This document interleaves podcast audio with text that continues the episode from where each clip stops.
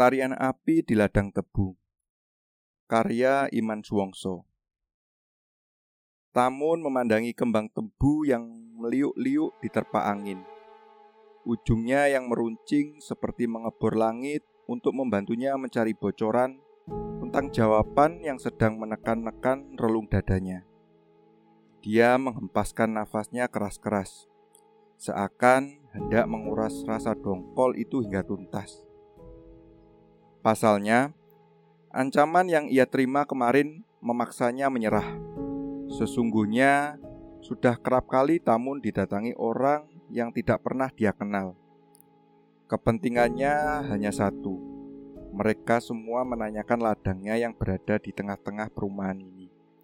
Dan entah apa yang sedang mereka rencanakan, muaranya semua mendesak agar tanah seluas hampir satu hektar itu dijual. Dulu, Waktu pertama kali seorang laki-laki berkumis, berkepala botak, tubuhnya gempal dibalut kulitnya yang legam, menyemprotkan ancaman yang dibarengi bau alkohol. Tamun berani menatap mata di balik kacamata hitam itu. Ia hanya perlu dua kata saja untuk mengusirnya. Tidak dijual. Keberanian yang lumrah karena bagi Tamun tanah adalah segalanya tanah adalah sumber hidupnya, karena ia adalah seorang petani tulen. Leluhurnya petani, bapaknya petani, keluarga dari ibunya petani, semua petani. Bahkan ia dilahirkan di pondok yang berdiri di tengah-tengah kebun jagung milik bapaknya. Cerita terakhir itu benar. Saat ibunya mengandung Tamun, dia mengirim bekal suaminya untuk makan siang. Tetapi ketika sudah sampai di ladang, perutnya mulas. Rasanya bayi Tamun sudah mendesak-desak. Untung saat itu ada Mardi, adik suaminya. Karena tidak mungkin membawa ibu Tamun pulang, Mardi memanggil dukun bayi di kampungnya dan dibawa ke pondok itu. Sejak kecil, rumah dan ladangnya tiada beda. Ia kerap ikut bapaknya tidur di pondok. Gubuk yang tempatnya lahir juga. Bahkan ia memilih membolos sekolah yang letaknya di balik gunung itu untuk membututi bapaknya meluku ladangnya. Dan betapa meledaknya kegembiraannya saat menemukan jangkrik yang akan ia bakar untuk dimakan. Gurih rasanya. Ujungnya, Tamun tak mengindahkan peringatan gurunya.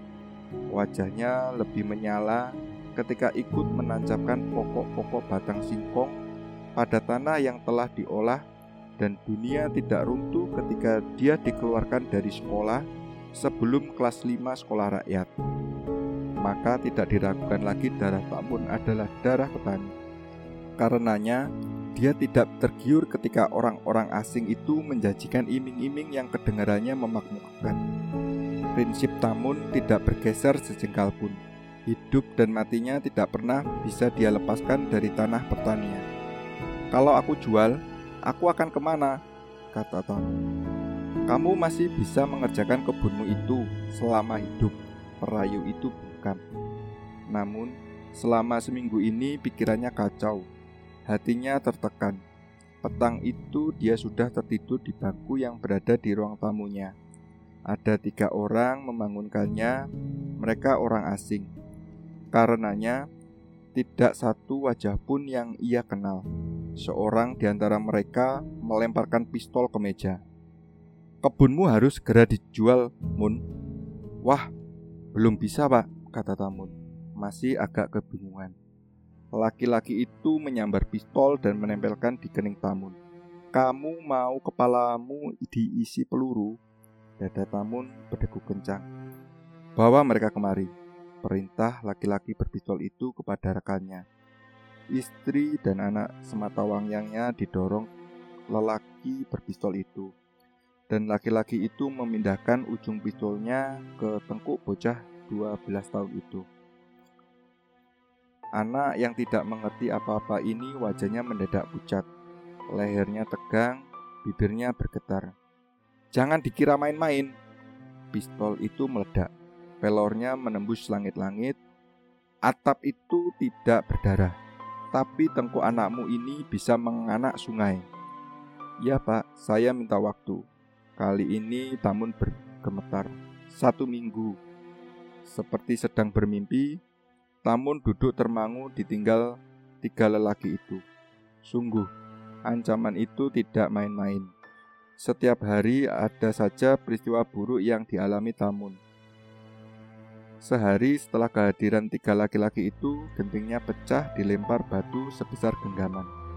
Dan esok paginya, dadanya sesak menyaksikan sederet kebun tebunya bergelimpangan di babat orang. Atas anjuran Pak RT, Tamun melapor ke aparat desa. Kabarnya, Pak Lurah melapor ke kecamatan, tetapi malamnya Pak Lurah datang ke rumah Tamun. Mun, saran saya, Tanahmu itu dijual saja. Tamun hanya melongo menatap Pak Lurah. Tamun tidak menjawab saran Pak Lurah itu sehingga orang nomor satu di desanya ini meninggalkannya. Sepulang Pak Lurah, Tamun merasa sendirian. Setiap orang yang sudah diminta pendapat, mereka menjawab sama, tidak tahu, atau jual saja.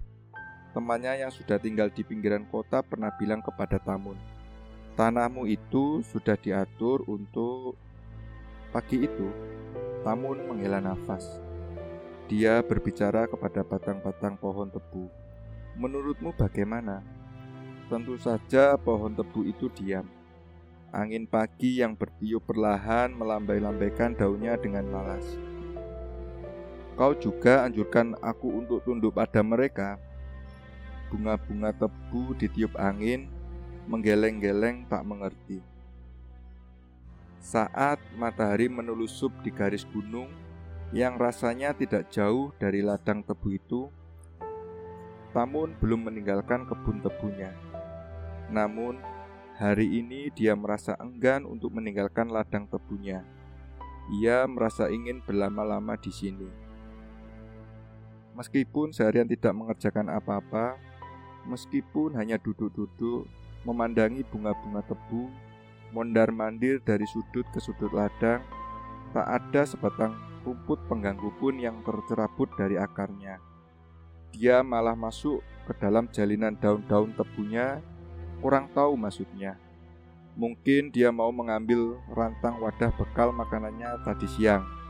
Saat itulah ada bayangan yang berlompatan ke pinggir-pinggir kebun tebu sambil menyalakan obor-obor. Lantas, seperti dalam satu komando, obor-obor itu menyulut daun-daun tebu yang telah mengering.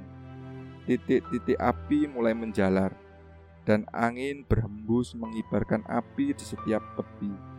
Api berkobar membakar kebun tebu, mengurung Tamun di dalamnya. Tamun sudah berusaha keluar, namun sudah tidak ada celah untuknya.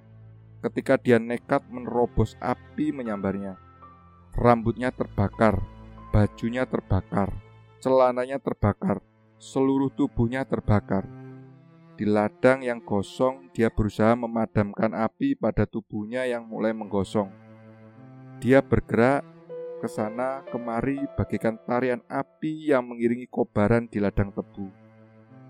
Tiada yang menolong Tamun. Di ladang ini Tamun hangus, ambruk kembali ke bumi menjadi monumen dari kekejian.